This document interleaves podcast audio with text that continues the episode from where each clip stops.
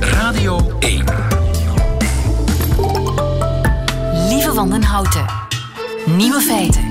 Dag, dit is de podcast van Nieuwe Feiten van maandag 19 februari. Waarin we het verder niet gaan hebben over de nieuwe regels van de Chinese overheid om de milieuschade op de Zuidpool te beperken. Want na de Amerikanen zijn de Chinezen de grootste groep Zuidpooltoeristen. Jaarlijks gaan zo'n 5500 Chinezen op Zuidpool-expeditie, met alle gevolgen van dien. Daarom zijn er nu nieuwe gedragsregels uitgevaardigd. Voortaan is het verboden om op pinguïns te jagen, bijvoorbeeld, hen aan te raken of te voederen. Chinezen moeten ook hun afval weer mee naar huis nemen. De start van een nieuwe culturele revolutie, wie weet. Nee, de nieuwe feiten vandaag zijn... Er zijn nauwelijks nog echte Belgische koeien. Tanden poets je beter droog. Meer en meer tieners in Amerika steken een pistool in hun boekentas. Er bestaat zoiets als een kuisvrouwlong. En Johnny Holiday onterft zijn twee kinderen. Geniet ervan.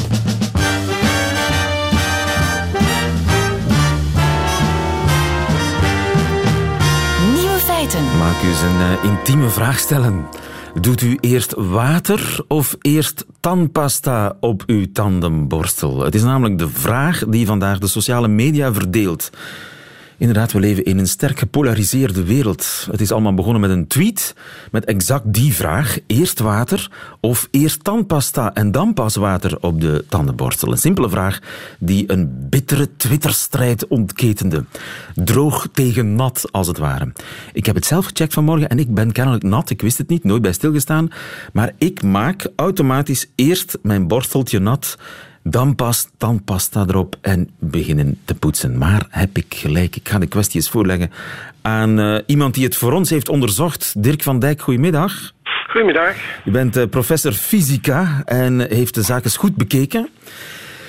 Ja, het is een brandende kwestie. Eerst water, dan pas tandpasta op de borstel beginnen poetsen of omgekeerd op de droge borstel tandpasta duwen en dan water eroverheen en dan pas uh, poetsen. Het is ja, een, een echte oorlog op dit moment op, op Twitter. Er is zelfs iemand die zijn tong insmeert met tandpasta en dan pas de borstel nat maakt en dan met de natte borstel over de tong wrijft. Iemand vindt het om beter helemaal geen water te gebruiken.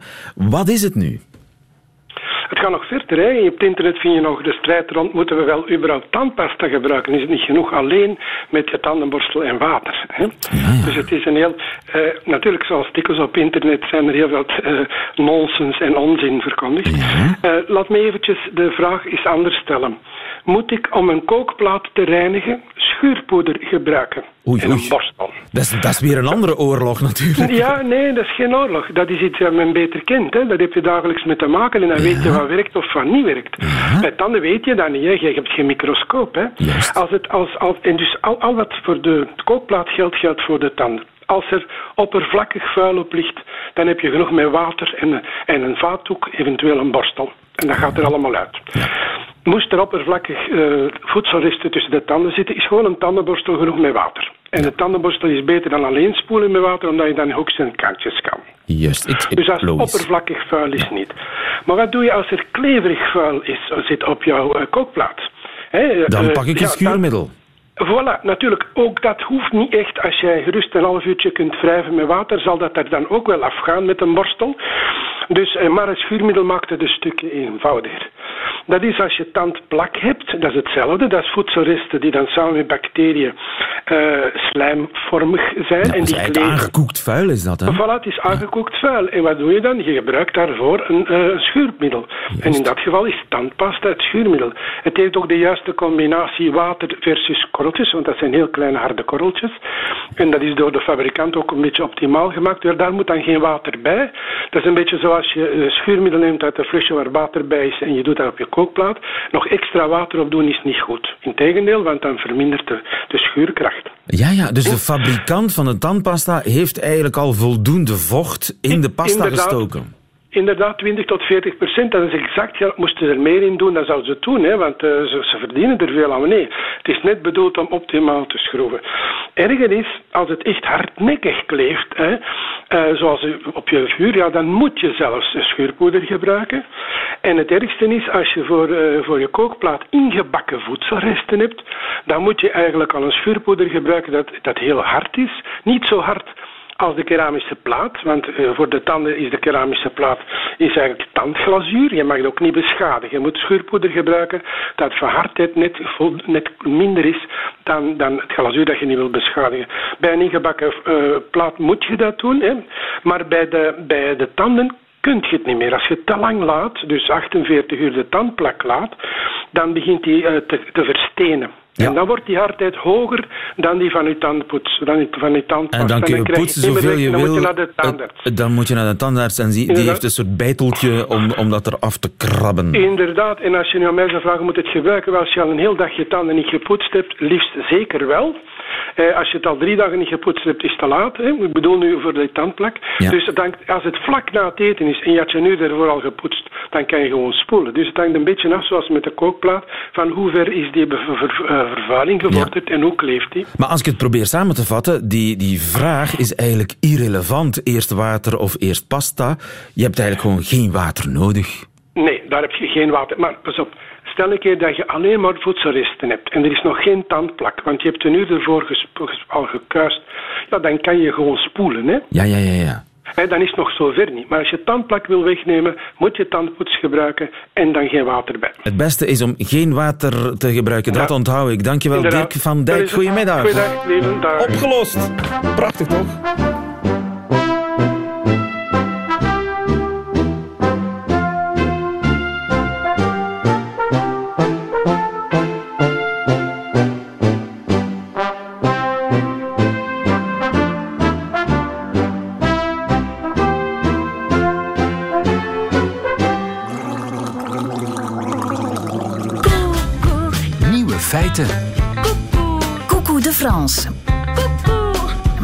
Alex Visorek. Op maandag worden we altijd op gezellige wijze bijgepraat over de toestand in Frankrijk door mijn collega bij de Franse radio, Alex Visorek. Goedemiddag, Alex. Inderdaad, goedemiddag lieven. En het was een moeilijke week. Uh, heeft u oh, gezien ja? wat voor iets verschrikkelijk er met Paris Saint-Germain tegen Real Madrid gebeurd is? Catastrofe. De wedstrijd was op de avond van de Valentijnsdag. Uh, wat een onmogelijke keuze voor voetbalfans.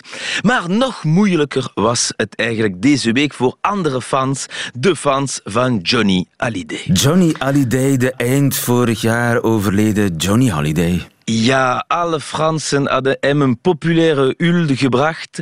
Uh, op de eerste rij van de kerk was zijn familie te zien, zijn vrouw Letitia, enfin, zijn jongste vrouw, want Johnny werd eigenlijk vijf keer getrouwd.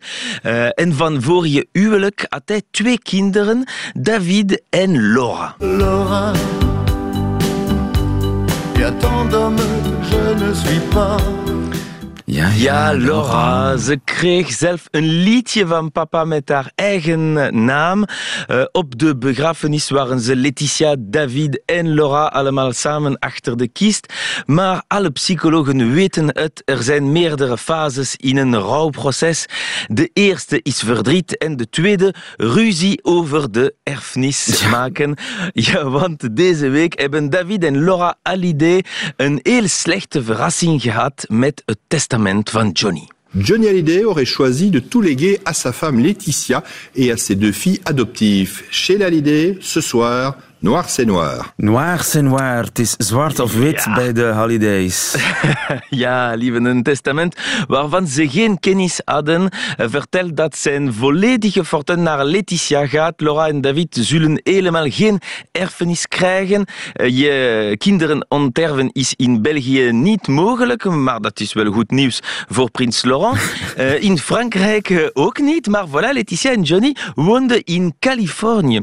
En het Californië Californiaanse recht laat het toe. De 30 dagen zonder klagen zijn af en de oorlog is verklaard. Uh, in alle kranten hebben wij een soort Franse soap zoals thuis, uh, maar met de familie Hallyday als acteurs. Sommige vrienden van Johnny, zoals presentator Michel Drucker, zouden liever stilte willen. À chaque fois, avant de, de répondre et avant d'accepter un hommage ou une interview, je me demande qu'est-ce qu'il aurait aimé lui. Et je crois que Johnny, il aurait aimé qu'on ferme notre gueule. Ja, we zouden beter zwijgen. Inderdaad, maar eh, dat zegt eh, hij met grove woorden. Eh, die tonen hoe diep de Fransen zijn aangeraakt, met ook veel medeleven voor Laura. Laura, elle a envie d'avoir quelque chose de son père, ce qui est tout à fait normal. Même un petit présent, elle demande pas grand-chose. Enfin, je ne pense pas. Et David, c'est pareil. Peut-être envie d'argent quand même. Misschien wel. Het was een- fan van Johnny en de vraag van de journalist is wel niet stom. Het gaat niet over een kleine som geld. De totale vermogens van Johnny zou ongeveer 100 miljoen euro's waard zijn. Eh, en dat allemaal voor Letitia, inclusief de rechten van al zijn liedjes, zelfs deze liedje. Laura,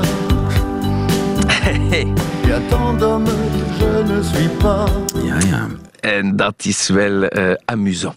Eh, het is ook geen geheim dat de relatie tussen eh, Letitia en zijn biologische kinderen van Johnny heel slecht was. En dat ze nu onterfd worden ten voordele van haar, vinden de Fransen heel verdacht. Ze hebben hun kant gekozen. Op Wikipedia-pagina van Letitia Hallyday stond er deze week te lezen dat Letitia Hallyday de laatste omkoopbare vrouw van Johnny was. Eh, iedereen denkt dat Letitia druk heeft gezet eh, op een zwakke Johnny om al zijn geld te krijgen, zoals Gérard Depardieu het hier samenvat. Oui, je pense, je il faut laisser, ça va être long. En chier, la Laetitia. Ja, wat?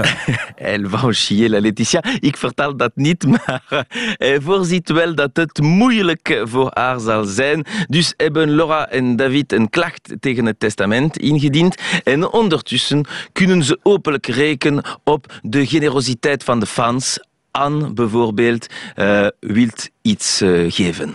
Lors du dernier concert de Johnny en Belgique, Les Vieilles Canailles, Anne est parvenue à récupérer une bouteille d'eau au goulot de laquelle son idole a porté ses lèvres. J'ai envie de l'offrir à sa fille.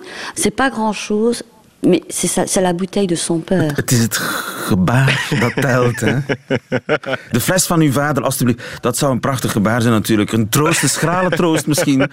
eh, voor de dochter van eh, Johnny Hallyday. Dank je wel om deze ja, toch wel zeer belangrijke kwestie eh, ons voor te leggen. Meer in de volgende week. Dank je wel, Alex Vizorek. Tot volgende week. J'ai pleuré sur ma guitare en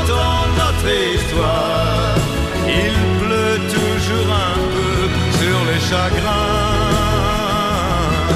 Tu es parti trop tôt, tu es venu si tard, et je ne sais même pas où va ce train. J'ai pleuré sur ma guitare en chantant notre histoire. Il pleut toujours un peu sur les chagrins.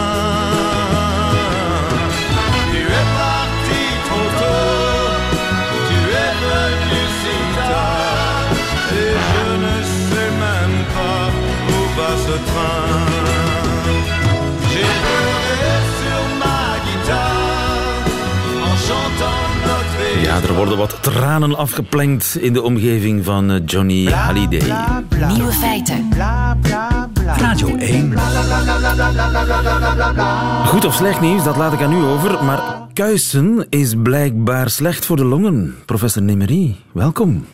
Uh, goeiedag. Uh. Benoit Nemery van de Universiteit van Leuven, collega's van u in Bergen, in Noorwegen, hebben 6000 mensen gedurende 20 jaar gevolgd. Die mensen, waren dat allemaal beroepspoetsers? Nee, helemaal niet. En bovendien, het waren mensen over gans Europa, niet alleen in Bergen. Uh, dus de auteur komt uit Bergen, maar het is een multicentrische studie. Uh, 20 jaar lang, dat is lang, hè? Ja. Ja, en... ze, hebben, ze hebben ze drie keer onderzocht over een periode van 20 jaar. En er zaten mensen bij die nooit poetsten, er zaten mensen bij die thuis kuisen en mensen die er een brood mee verdienen. Drie categorieën. Inderdaad. Ja. ja. En, en wat blijkt? Wel blijkt dat de mensen die uh, frequent uh, thuis poetsen, uh, meer kans hebben om een snellere afname te hebben van hun longfunctie over die 20 jaar. Dan, dan, mensen, dan mensen die nooit poetsen? Dan mensen die nooit poetsen. En mensen die professioneel poetsen, die zijn er nog erger aan toe dan. Die waren er lichtjes erger aan toe, maar er waren er ook niet zo heel veel in vergelijking met de groep van mensen die thuis wel eens poetsen. Ja, ja. Zou er zoiets kunnen bestaan als een kuisvrouwlong? Ja, je zou dat kunnen zeggen, ja. ja, ja. Dus naast rokerslongen en mijnwerkerslongen zijn er ook ja, poetserslongen. Ja, er zijn vele beroepen waar je schade kan uh, krijgen aan je longen. En de, de poetspersoneel is daar één van, uh, van die categorieën. Ja. En kun je dat vergelijken met de effecten van roken? Niet helemaal, maar het heeft er toch wel iets van. Uh, het is vooral een probleem van, uh, van afname van de longfunctie met de jaren. Uh, en, en, dat zie je ook bij rokers? En dat zie je ook bij rokers. Het patroon bij rokers is misschien iets anders, maar ja, je kan het er eigenlijk mee vergelijken. Dus of, of je nu een pakje per dag rookt of, of het hele huis kuist, voor je longen maakt het weinig verschil? Dat zou ik niet zeggen, want ik denk dat een pakje per dag roken gedurende je ganse leven wel heel schadelijk is. Dat weten we al heel zeker. Voor het kuisen heeft het te maken met ja, waarmee je poetst ah, en welke wat producten zijn, je gebruikt. Wat zijn de boosdoeners? Wel, we denken dat de irriterende producten die gebruikt worden om te kuisen, en we denken dan aan, aan Javel, ammoniak, maar vooral ook de, de nieuwe producten die in sprayvorm worden gebruikt, dat die wel de meest schadelijke zijn. Ja. Het is wel inderdaad het geval als je van die, van die glaspoets sprays, glasseks, hoe heet het allemaal, gebruikt, dat, dat, je, je, dat pakt op de adem pakt op de adem. En zelfs als het niet echt op de adem pakt, moet je ermee voorzichtig zijn. En het is niet alleen producten om, om de, de ruiten te wassen, maar ook uh, oven. Uh, producten en ook uh, oppervlaktes die met een, met een spray worden behandeld. Ja, dat, dat zijn agressieve producten. Wat zijn dat voor producten eigenlijk? Wel, dat zijn producten die, die vlekken oplossen of bacteriën doden. Uh, en ja, onze slijmvliezen die gelijken eigenlijk qua samenstelling een beetje op vlekken of op bacteriën. Dus uh, die agressieve producten zijn vaak uh, zaken die eiwitten oplossen of kapot maken. En natuurlijk kan dat op onze slijmvliezen hetzelfde effect hebben. Zeker als dat dan producten zijn die ingeademd kunnen worden, omdat ze in sprayvorm worden toegediend. Dat product ziet natuurlijk het verschil niet tussen mijn slijmvlies en mijn longen en de vlekken die ze moeten oplossen. Uiteraard niet. En, en wanneer producten in sprayvorm worden gebruikt, dan is dat heel efficiënt, omdat het in allerhande spleetjes kan terechtkomen. Maar dat gaat Moeiteloos dan... veeg je dat uit vuil weg. Hè? Dat, ja, dat... En, en als het in de spleetjes van je oven terecht kan komen, dan kan het ook in de spleetjes van je ademhalingsboom uh, terechtkomen. Maar die sprays die worden wel volop verkocht en gepromoot. Ja, dat is een, dat is een reclame-effect. Uh, het heeft ook te maken dat, dat het schoonmaken misschien wel efficiënter gebeurt, maar voor de, de gezondheid is dat zeker geen goede zaak. En bovendien, er is een beetje een neiging om alles kiemvrij te maken. De reclame uh, wil ons dat ook doen uh, bekomen. En dat is eigenlijk niet nodig, dat, dat we in een kiemvrije wereld zouden leven. Ja, zo kiemvrij hoeft het niet te zijn. En ja, emmer en zeep kan, het, kan ook uh, de zaak klaren. Hè? Zeker, ja, ja. Maar dat was vroeger en dat is misschien iets meer moeite. En nu wordt ons een soort uh, ja, comfort aangepraat. En er wordt er niet bij verteld dat het eigenlijk uh, een aanslag is op je longen. Dat klopt, ja, ja. Moeten daar geen beperkingen op komen op die sprays, zoals bij tabak? Waarschuwingen op de fles of zo? Of, uh... Ik denk dat, ja, dat zou kunnen, maar ik denk dat er vooral uh, via wetgeving uh, moet gezorgd worden dat de meest agressieve producten niet in sprayvorm toegediend kunnen worden. Die moeten daar gewoon niet in zitten? Ik denk dat dat beter zou zijn, ja. Dus dat is een taak voor Europa misschien? Zeker een taak voor Europa en, en men is daarmee bezig. Maar het gaat heel, heel traag, omdat daar enorme commerciële belangen bij gemoeid zijn. Uiteraard. Maar in afwachting daarvan, uh, het is misschien uh, ja, niet de meest populaire boodschap die ik geef. Uh, leven het, het, klassieke poetsmiddel, de spons en het water. Zeker voorzichtig zijn met sprays, ja. Voorzichtig zijn met sprays zijn een aanslag op uw longen. Professor Nimmery, dankjewel voor uw komst naar de studio. Goedemiddag.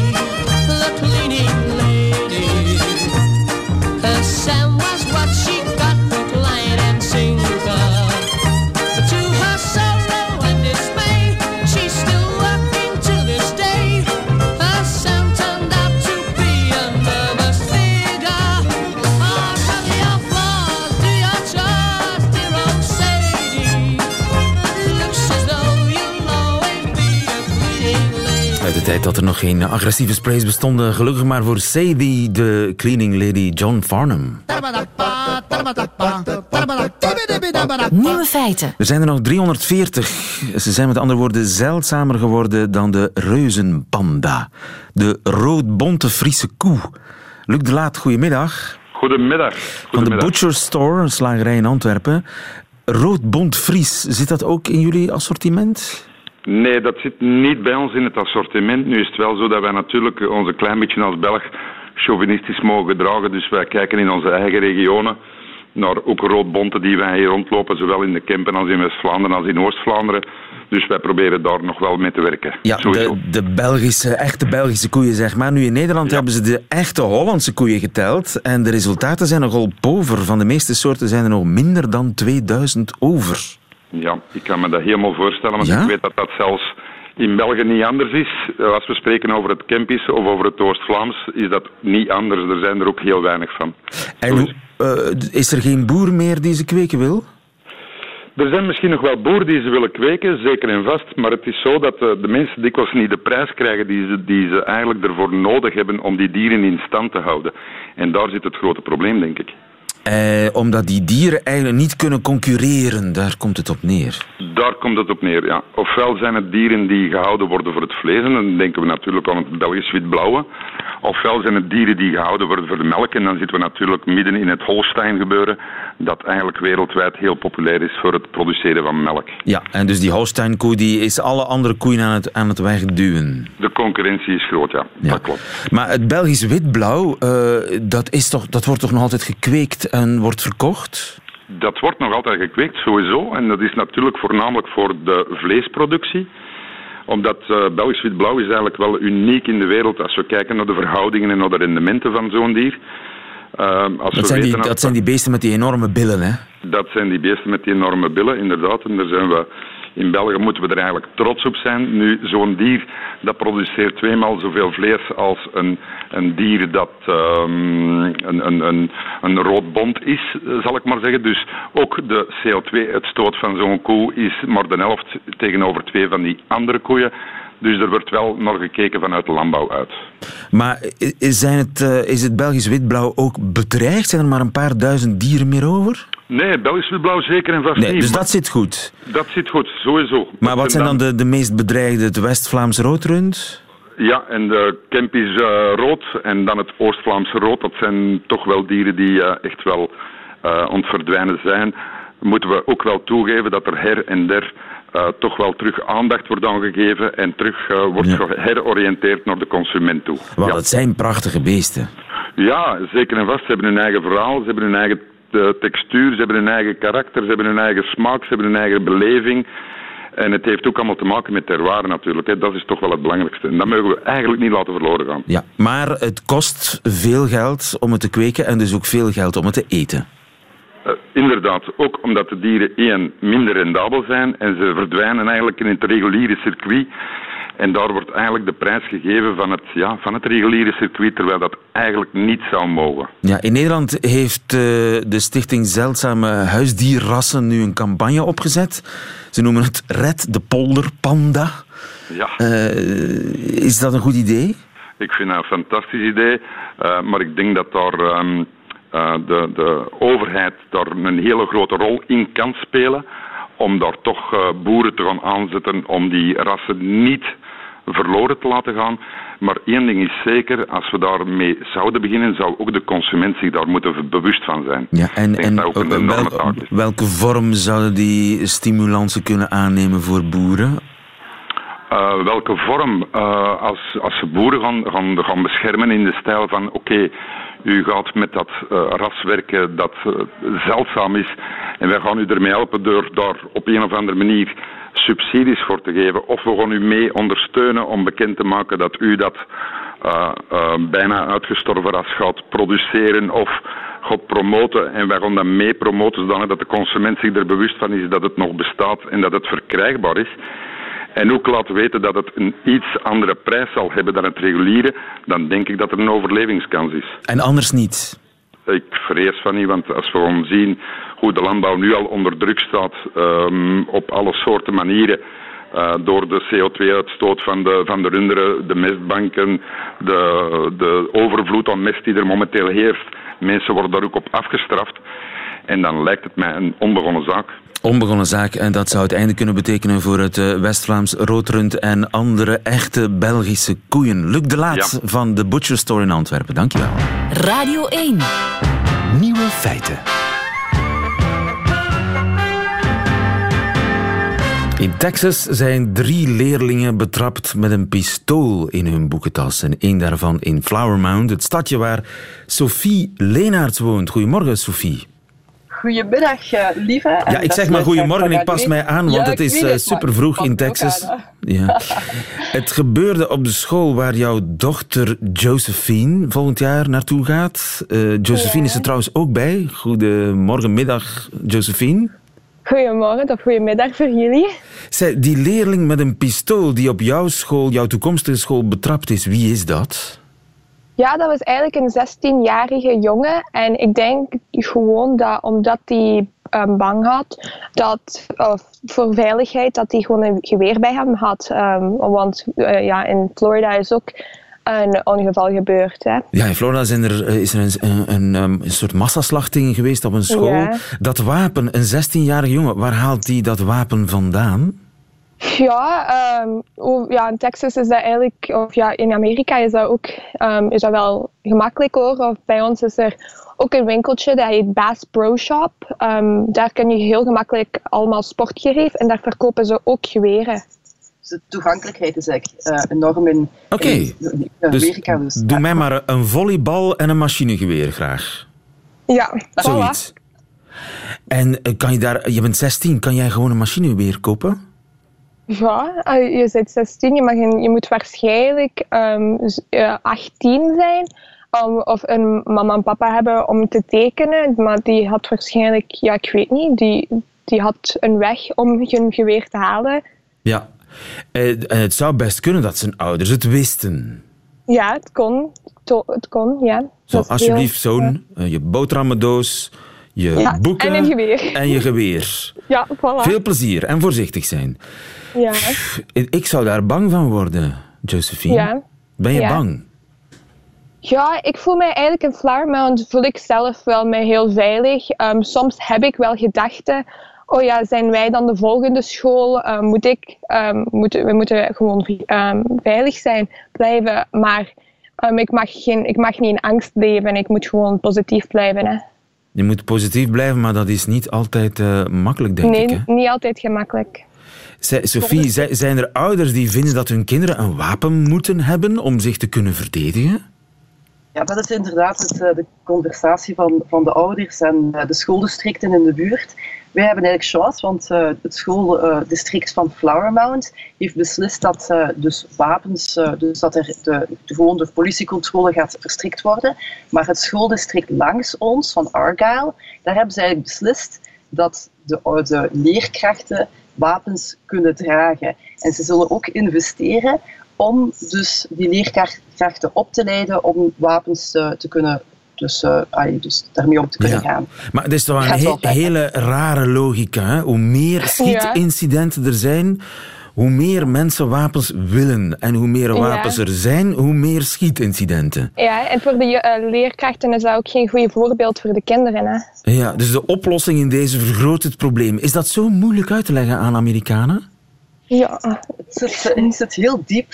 Ja. Het, is echt, uh, allee, het, het, is niet zomaar gemakkelijk het is, uh, op te lossen, vind ik. Ja, ze zeggen meer, Ons, maar ze als doen niet. In België denk ik wel dat het, ja, zijn wij daar echt totaal niet mee geconfronteerd of hebben wij daar, zien wij dat heel, heel logisch. Maar uh, hier, in, hier in Amerika en, en zeker in de staat Texas is het precies een blinde liefde met, met uh, de wapens, vind een, ik. Een blinde liefde. En merk je dat ook in je eigen gezin? Want ook in je eigen gezin zitten uh, autochtone Amerikanen, hè? Texanen zelfs. Ja. Ja, mijn, mijn echtgenoot is uh, een Amerikaan.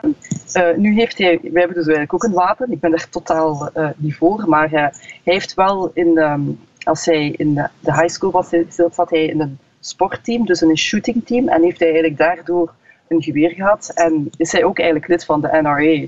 Dus dat, dat hangt er samen zelf. Oei, dat zijn um, moeilijke, moeilijke gesprekken aan tafel ja. s'avonds, denk ik. Nee? Ja. Josephine, jij weet ja. er alles van. Ja, alles hè. Dus, dus dat, die kwestie is nog niet opgelost bij jullie aan Nee.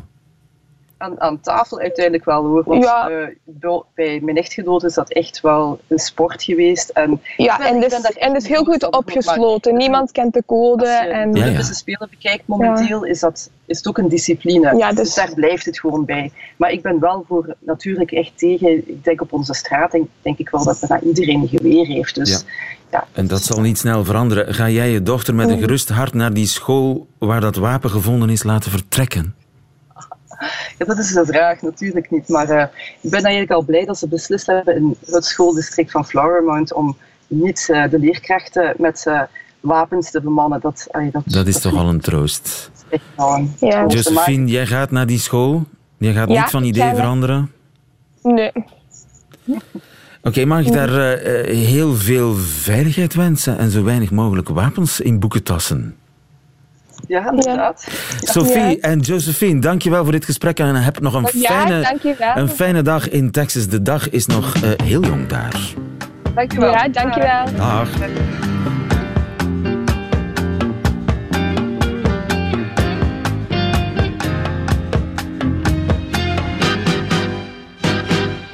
What they do? Smiling in your face.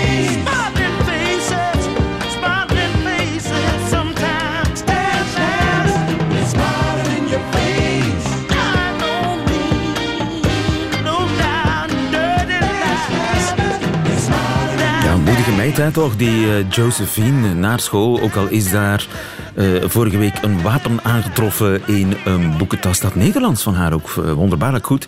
Terwijl ze nooit in eh, België, Vlaanderen gewoond heeft. 16 jaar opgegroeid in Texas met een Vlaamse moeder. En dus volledig Nederlandstalig ook. Waarmee u alle nieuwe feiten van vandaag, de 19e februari, heeft gehad. Behalve die van de man die het middagjournaal bijhoudt deze week voor nieuwe feiten. En dat is media-expert Mark Koenen. Nieuwe feiten. Middagjournaal. Hij heet Sabawoon, maar wij mogen Saba zeggen. Hij komt uit de buurt van Jalalabad in Afghanistan en woont sinds twee jaar in Leuven. Op zijn vijftiende vluchtte hij voor de Taliban die hem wilden inlijven. Zijn moeder naaide het nodige geld in zijn kleren en Saba bereikte na een tocht van 30 dagen het veilige Duitsland, waarna hij verder trok naar België.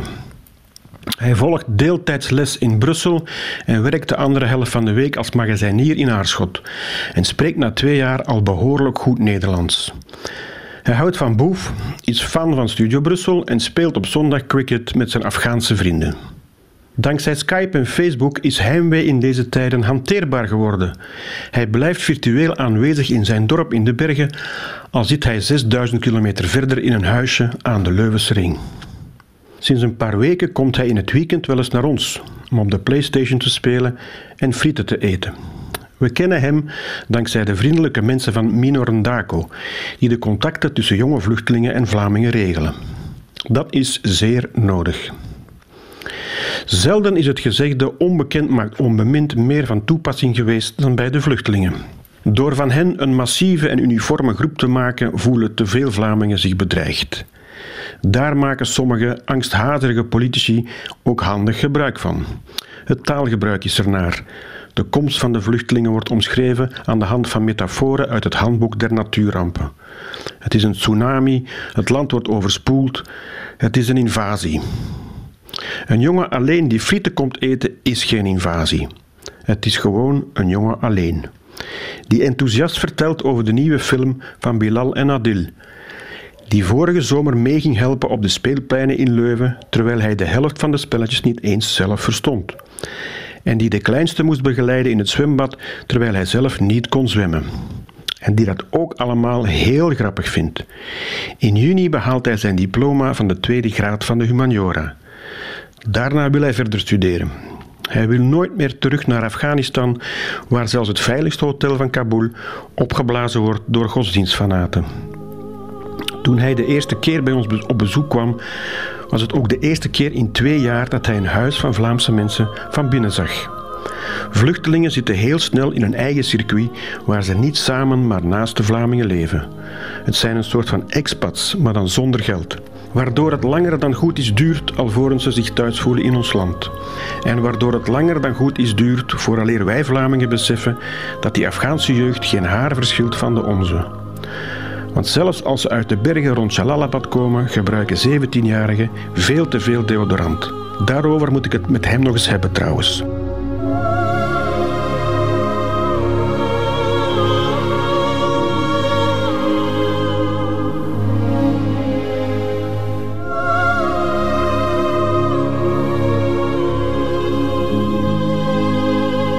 Het middagjournaal van Mark Koenen op 19 februari 2018. Meteen het einde van deze podcast, maar u vindt er nog veel meer op radio1.be en op de gebruikelijke kanalen. Tot nog eens.